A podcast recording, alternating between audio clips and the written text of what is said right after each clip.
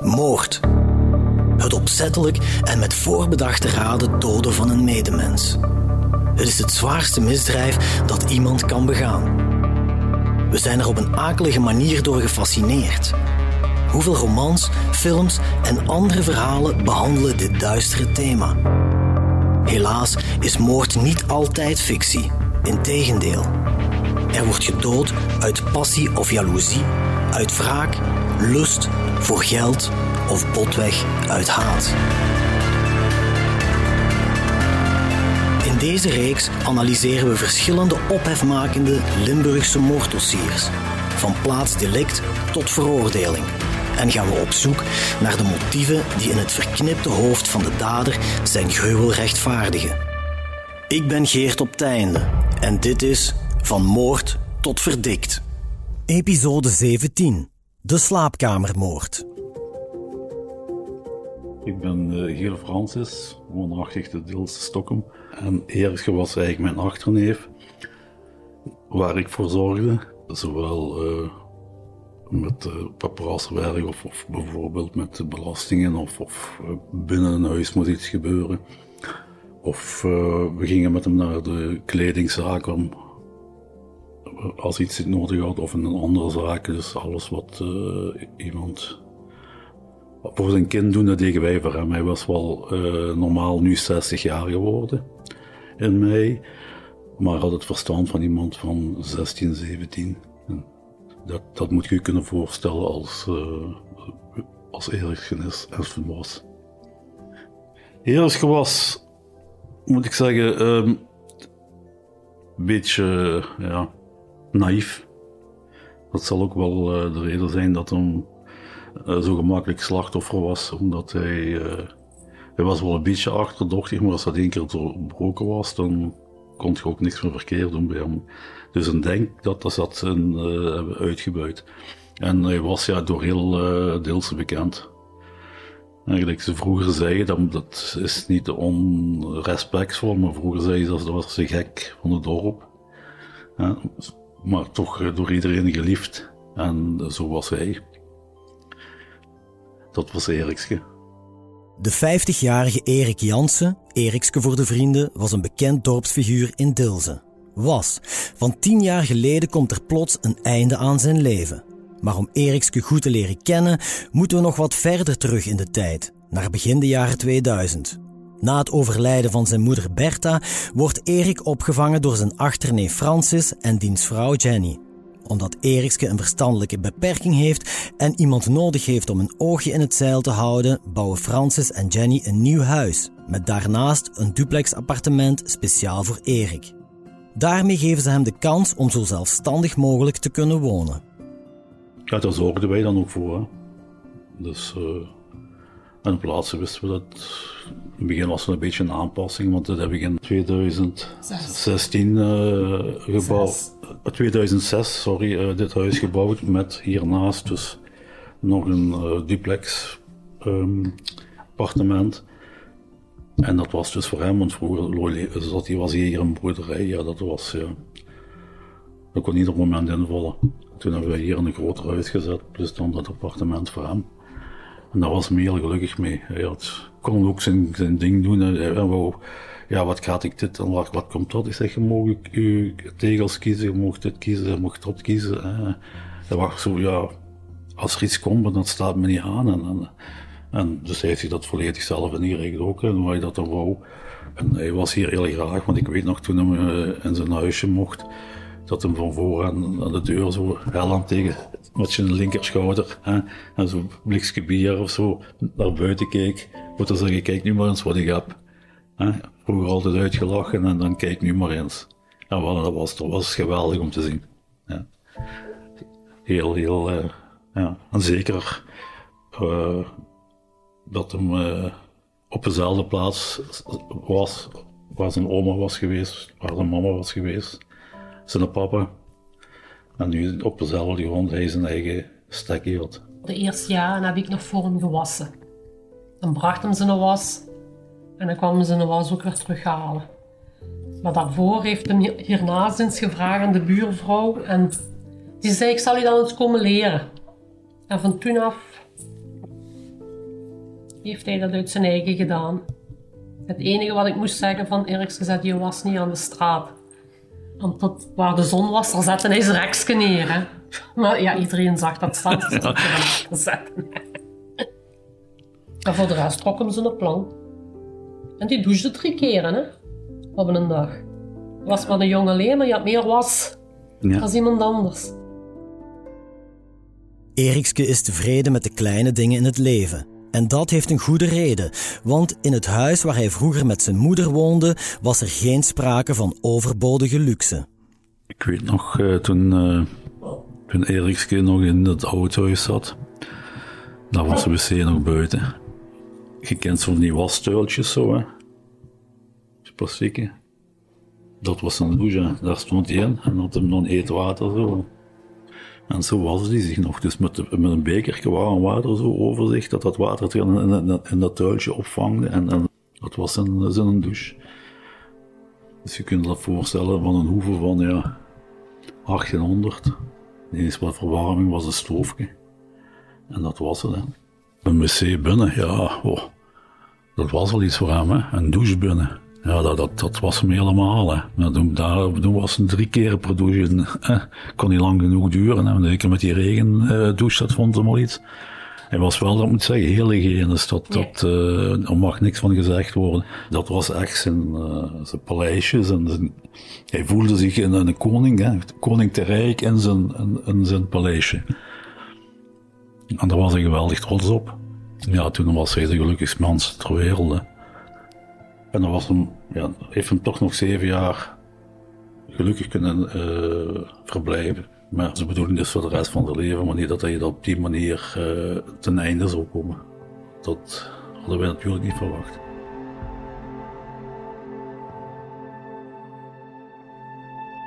Aan dat gelukkige leven van Erikske komt dus plots en op een gruwelijke manier een einde in 2013.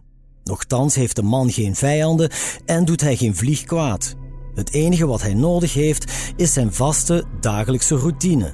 En die volgt hij heel strikt. Zo ook op maandag 21 oktober. Erikske start zijn dag zoals steeds in de lokale krantenwinkel in Dilze.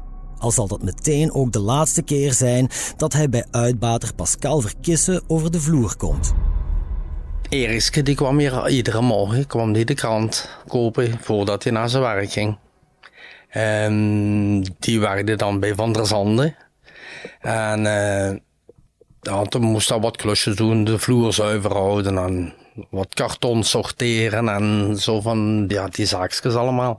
En voordat hij dan met zijn fiets, uh, dan passeerde hij altijd, kon hij de krant uithalen. We hebben een tafeltje hier, dan las hij de krant een beetje wat bij babbelen, wat er gebeurd was en zo. Over de voetbal, babbelen van alles. Maar Erik was een uh, vaste klant hier. De moeder van Erik hebben we ook goed gekend. Ja, die kwam trouwens uh, vroeger bij mijn ouders, kwam die iedere dag een tasje koffie drinken.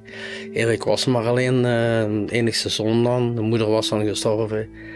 En uh, zo de neven en, en de familie die hem opgevangen heeft na de dood van zijn moeder, die komen hier ook allemaal op een winkel. Dus, en ik vind het heel knap dat die familie dat gedaan heeft, want anders was Erik altijd een, bijvoorbeeld een tehuis of zo terechtgekomen. Dus ik vond het heel, uh, ze hebben die jongen heel goed opgevangen. En ze hebben hem ook de kans gegeven voor dan nog zelf op eigen initiatief te mogen huisvesten, begrijp je? Nadat hij even door de krant heeft gebladerd en zijn dagelijkse babbel met Pascal erop zit, fietst Erik verder naar zijn werk. Zoals de uitbater van de krantenwinkel al zei, werkt Erik bij steenfabrieken van der Zande in Dilze. En dat al 13 jaar. Het was leidinggevende Paul Meijnen die Erikske destijds verwelkomd heeft. Erik is in de steenfabriek komen werken via een bepaald contract. Ja, dat was voor mensen die wat minder, uh, minder handig waren, laat maar zo zeggen. En Erikske was eentje daarvan. Dat was via een bepaald contract. Hij is toen begonnen daar en hebben hem ook aangepast werk gegeven gehad daar. En voor Erikske was het zeker van belang dat elke dag vaststond wat hij moest doen. Dus we hadden ook voor een heel week een schema opgesteld, wat zich wekelijks herhaalde. Hè. Maandag moest hij dat doen, dinsdag moest hij dat doen, en zo verder. Wat voor Erikske heel, heel fijn was. En voor hem was het heel prettig om zo ook te werken. Het werk in de steenfabriek is op die manier perfect voor Erik. Hij voelt er zich erg goed en doet er alles aan om zijn job te kunnen behouden, herinnert achterneef Francis zich. Hij was uh, altijd een uur te vroeg om dan zijn krantje te lezen, om dan uh, koffie te drinken. En als hij ziek was, gingen we een dag ziek werken voor te laten kijken, kijk, ik ben ziek. En dan ging hij naar een dokter en die zei dan, ja, krijg je kijk nog twee of drie dagen. Maar niet, niet, niet zeggen van, ik ben, ben ziek. Nee, hij wou laten kijken, kijk, ik ben wel echt ziek. Zo, uh, zo bang was hem dus voor die plaats kwijt te raken. Dus dat was, ja, zijn, hoe moet ik het noemen? Dat was daar ook zijn, zijn wereldje. Zo, zo, zo kun je denk ik het beste noemen. Erik doet zijn werk in de steenfabriek uitstekend. En hij wordt op de werkvloer gezien als een fantastische en zeer aangename collega. Ik ben Erik van Aan. Ik woon in Dilse Stockholm. Ik ben 34 jaar te werk gesteld bij Steenfabrieken van der Zanden. En ik ben sinds 1 mei 2023 met pensioen. Ik ken Erik eigenlijk al een heel tijdje. We zijn buren geweest nog. En uh, Erik heeft uh, ook 13 jaar bij Steenfabrieken van der Zanden gewerkt. En ik was eigenlijk zo ook een klein beetje zijn, het hand boven het hoofd houden. Zo. Ja. Deed onderhoud, maar met zijn beperking mocht hij geen machines bedienen. Hij deed eigenlijk meer poetswerken, opruimingswerken. Wat eigenlijk in een steenbakkerij van heel, heel erg uh, belang is. Hij was een hele goede collega. Iedere morgen kwam hij ook fluitend, lachend, zingend binnen. Zijn enig vervoersmiddel was een fiets. En uh, door weer en wind kwam hij met de fiets. Uh, het was wel niet zo heel ver. Van bij hem thuis tot bij Van der Zanden. Maar hij deed het toch maar. Ik heb hem ook nooit geweten echt ziek vieren. Of... Hij werkte van 8 uur s morgens tot 12 uur s middags. Erik was een heel joviale man. Goed lachs, goed gemeurd. Op zijn werk was hij altijd bereid, uh, hoefde maar iets te vragen en het was altijd goed voor hem. Hij deed dat ook uh, op zijn manier, maar het was wel goed gedaan. Nee, Erik was een heel tof mens om mee om te gaan. Erik van Haan en Erikske zijn niet alleen collega's, ze zijn ook goede vrienden geworden, die ook naast het werk geregeld samen tijd doorbrengen. Ja, ik zag Erik eigenlijk regelmatig buiten het werk. Om een voorbeeld te geven, dus uh, Francie en Jenny, die gaven geregeld feestjes. En op die feestjes mocht Erik niet ontbreken, uiteraard. Erik, dat was een karaoke-man, die zong graag en die entertainde graag. En uh, dan zochten we samen een liedje uit en ik schreef daar een andere tekst op, gebaseerd op het feest of om de persoon die wat feest gaf. En hij uh, ging dat dan instuderen. En dan kwam ik ook bij hem thuis natuurlijk om dat in te studeren. En als dat allemaal goed uh, ingestudeerd was, de dag van het feest zelf, stond Erik daar te entertainen. Naast een fervent entertainer is Erik ook een groot voetbalsupporter. Van de Rode Duivels, maar vooral ook van KRC Genk. Kan me heel goed herinneren uiteraard dat we twee jaar achter elkaar een seizoenskaart hebben gehad van Racing Genk. En dat we eigenlijk uh, redelijk op tijd vertrokken, ook al voor een parkeerplaats te vinden. Maar vooral voor de pintjes die wat daar vloeiden. Dus we waren om vijf uur daar. En om acht uur begon de wedstrijd. Dus van vijf tot half acht hadden we al verschillende litertjes, zal ik maar zeggen, naar binnen gewerkt. Ook met een andere kameraad, zijn beste vriend Moke, gaat Erikske voor Genk supporteren. Zo weten Francis en Jenny te vertellen. Het mag duidelijk zijn, Erik is gek van voetbal. En als ik zeg, ja, uh, zullen we dan morgen dat doen, doen of uh, wat is het? Nee, nee, nee, morgen is voetbal. Dus uh, dan wist ik al... Alles dus, moest weken voor voetbal, vo ja. Dus alles wat ook moest gebeuren of dit, en dan nee, dan is voetbal. En als het dan de wereldkampioenschap was, dan, dan zag je mijn ganse week niet meer buiten. Dat was voetbal, voetbal, voetbal.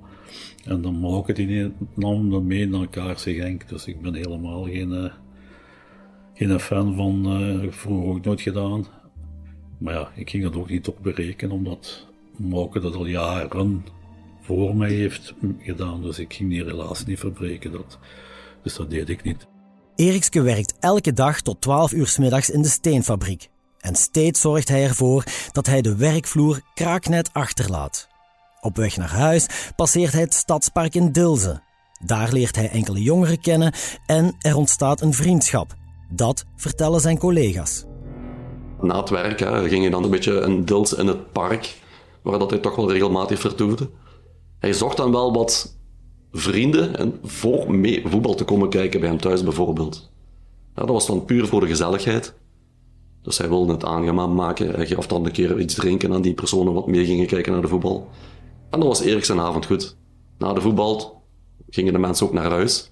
Eerst ging slapen en zondag stond hij weer paraat om mee naar het uh, werk te komen. Uh, die stonden geregeld tussen aan de sporthal. En als Erik terugkwam smiddags van zijn werk, ging hij daar langs fietsen. En dan sloeg hij babbeltjes, dus hij zocht wel contact op met die jongeren. En uh, hij ze ook dikwijls aangetroffen hier in het Stadspark. Waar dat hij dan ook met die jongeren een babbeltje sloeg. En daarna trok hij naar de café. En dan ging hij daar uh, zijn gezelschap verder opzoeken. Maar Erik had die beperking niet eenmaal. En uh, die jongen voelde zich goed als hij met die jongeren kon optrekken. En als hij babbeltje kon slaan. En als hij misschien ook wel wat aandacht kreeg van die jongeren. Ja, want die, zij sloegen toch ook een babbeltje terug met hem. En dat vond Erik wel leuk. Ook Francis en Jenny zijn op de hoogte van Eriks vrienden in het park. Maar ze zijn er niet gerust in. En dus waarschuwen ze Erik en verbieden ze hem om de jongens mee naar huis te nemen. Erikske echter, die is zich van geen kwaad bewust. En regelmatig nodigt hij de jongens toch uit om thuis samen een pintje te komen drinken. Ene keer. En dan heb ik ze buiten gezet. Want dat uh, waren kinderen om 15, 16, 17. Natuurlijk, jij had pintjes in huis, dus je mocht al zeker niet aan minderjarigen geven. En ik zeg, uh, laat dat. dat die, die, zitten altijd in dat parkschip daarbij bij elkaar, te durven eigenlijk niemand langs gaan. Ik zeg, laat die, laat dat niet meer binnen. En toen uh, zei ik eruit. Ja, maar we mogen toch van, uh, van Eriksen, zegt ten eerste heeft Eriksen heb ik juist uitgelegd waarom, en ten tweede, dat is mijn eigendom vertrekken. En om dan toch te zeggen van uh, ik ben hier de baas als moet zijn. Door de rotsvaste routine in het leven van Erikske vinden zijn collega's Paul en Erik het meteen erg vreemd dat hij op dinsdag 22 oktober 2013 niet op zijn werk verschijnt. De dag erna, op woensdag, heeft Erikske een vrije dag.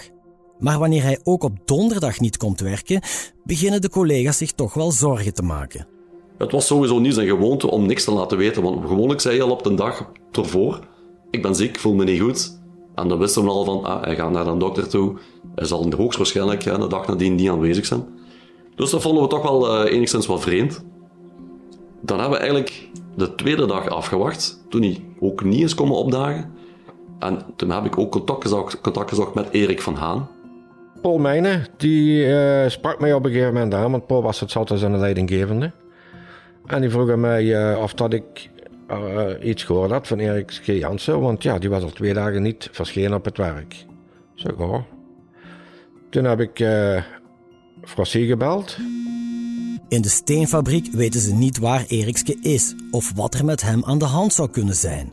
En ook achterneef Francis valt uit de lucht wanneer hij die donderdagochtend wordt opgebeld met de vraag of Erikske misschien ziek te bed ligt. Om 12 uur kreeg ik telefoon van Erik van aan. Ja, dat Erikse dan zo lang niet, vier dagen niet daar was geweest. Of ik daar iets van wist. Ik zeg, ik zal, vanavond, ik zal vanavond gaan kijken en dan zullen we wel zien. En toch zei iets in mij van, bel Jenny, bel uw vrouw, want er klopt iets niet. Ik voelde dat dat gevoel, dat was, ja, ik kan het niet goed beschrijven en ik bel haar, ja. Tien minuten later, ja was het, ja. Nu wist ik wat het gevoel was. Donderdag spelt mijn man. Ga eens kijken, want Erik is al twee dagen niet op het werk geweest. Ik ga kijken, zijn fiets staat daar nog. En ik ga helemaal rond. Zijn keukendeur, de gordijn afgesloten. Hier van voor alles gesloten. En daarom zie ik een bloed op het gordijntje hangen. Ik bel hem terug. Ik zeg, ik ga de reservesleutel halen, want die hadden wij voor als je ergens iets moest. Ze ik ga kijken, want die is misschien van een trap gevallen. Zegt ze, mama, krijg dat je hier zit. En ik ben binnengegaan en ik heb die deur opengeduwd. En dat was één, één bloedzee. En toen heb ik geroepen. Kreeg geen antwoord. En daarna heb ik mij zo aan de chebrang vastgenomen voor te kijken. En daar lag En toen heb ik direct gezegd, maak dat je hier bent, want ik moet de diensten bellen. En uh, op zeven minuten was de een ambulance hier. En die twee hoofdverplegers die gaan binnen en komen terug buiten. Die hebben schotwonden. Huh? Schotwonden? Daar heb ik toch niks van gehoord? En de Rijkswacht komt aan en hij komt aan en hij heeft hem niet meer mogen zien. Het is niet meer binnen mogen gaan. Ze heeft mij gebeld. Ik uh, werk in het in Oude Bunders. Als ik gas geef, dan ben ik op 10 minuten hier. Dus ik was op 10 minuten hier. Op dat moment stonden de, de verpleging hier, de politie stond hier en de pers stond hier al. Dat komt, weet ik niet, maar die waren sneller dan ik hier. En ik wou nog gaan kijken, maar ik mocht niet meer. En dat wringt mij nu nog. Erikske is dus helemaal niet ziek, zoals zijn collega's in eerste instantie hebben vermoed. Nee, hij is overleden, brutaal vermoord dan nog, in zijn eigen paleisje, waar hij zich altijd zo veilig had gevoeld. Het ongeloof in de steenfabriek is enorm. Ik kan het niet geloven. Ik heb ook uh, bij Paul, mijne, heb ik ook uh, mijn tranen de vrije loop gelaten. Die hebben mij dan ook opgevangen, Paul Mijne. En toen onze toenmalige plantmanager, George Bloemen, die hebben mij toen heel goed opgevangen. Maar uh, zwaar, heel zwaar. Erik was een dorpsfiguur, hè. Erik was, ja, de naam Erik Jansen, iedereen kon hem. Ja, iedereen uh, wist wel iets over hem te vertellen. Ja, Erik was een echt dorpsfiguur, uh, heel bekend in Dulce. Ik heb toen de opdracht gekregen van Paul, ga de fabriek in en breng iedereen op de hoogte. En dat heb ik gedaan, dus daar ben ik eigenlijk ook de hele dag mee bezig geweest. En ja, de reacties van de collega's was gewoon... Nee, dat kan niet, dat, dat, dat geloven we niet. Ja, we stonden allemaal perplex. We hadden zoiets van, ik kreeg, kreeg nog uh, wat, wat, wat kippenvel op mijn huid nu. Dus we stonden allemaal even aan de grond genageld om dat te horen te krijgen. Van, we konden ons gewoon niet voorstellen dat iemand eerst heeft vermoord. Om, om welke reden? Dus er waren allerlei vragen wat ons uh, in ons hoofd schoten. Ja, dat was gewoon ondenkbaar. Ondenkbaar voor de mensen in de steenfabriek. Maar helaas is het dus wel de keiharde realiteit. De dood van Erikske slaat in als een bom. Niet alleen in de fabriek, maar in heel Dilsen. In de krantenwinkel van Pascal bijvoorbeeld wordt er over niets anders gesproken. Toen dat nieuws uitkwam, ja, was heel Dilsen aan shock. Ik bedoel, uh, was juist als een, ja, als het eventjes, de tijd eventjes stopstond, wat is hier gebeurd? En toch niet met Erik. Dat had nooit niemand verwacht, ook niemand zien aankomen dat zoiets kon gebeuren hier. We leven hier in een boerendorp aan de Maaskant. Ja, ik bedoel, dat verwacht je hier niet. Zoiets verwacht alleen in Amerika. Ja, bij wijze van spreken. En zeker bij een jong met, met uh, een beetje een beperking. Ja. Ik zeg nog eens, uh, ja, zoals wij hem gekend hebben, zolang dat, dat hij hier kwam, ja, we hadden dat nooit. Hij deed, geen vlieg kwaad, was nooit, ik heb Erikske nooit boos gezien, ik bedoel. Erik deed geen vlieg kwaad. En dat er zo iemand iets met hem zou doen, dat. Nee, dat heeft heel lang nodig gehad voor dat te begrijpen. Ik begrijp het trouwens nog niet, maar nee, ik kon het niet geloven dat Erikske, een, iemand die iedere dag aan de tafel stond en, door een moord, door een ongeval zou iets anders zijn, maar door een moord is toch een hele shock geweest. Ja. Was, dat maakte het nog veel erger, hè? Op de manier hoe. Ja, dat is, dat is afgemaakt like een dier hebben we gehoord rand. Dus dat is... Uh, niet te geloven. Dit is een moord die niemand heeft zien aankomen. De overal graag geziene Erik Jansen is op gruwelijke wijze vermoord, afgemaakt als een dier. Wat is hier gebeurd? Waarom zou iemand deze geliefde man met een beperking zoiets aandoen? En vooral, wie doet zoiets? Wat volgt is een ingewikkeld onderzoek waar de politie de handen vol mee heeft. Het zal dan ook maanden duren eer de dader wordt gevonden. Meer daarover morgen in deel 2 van De Slaapkamermoord.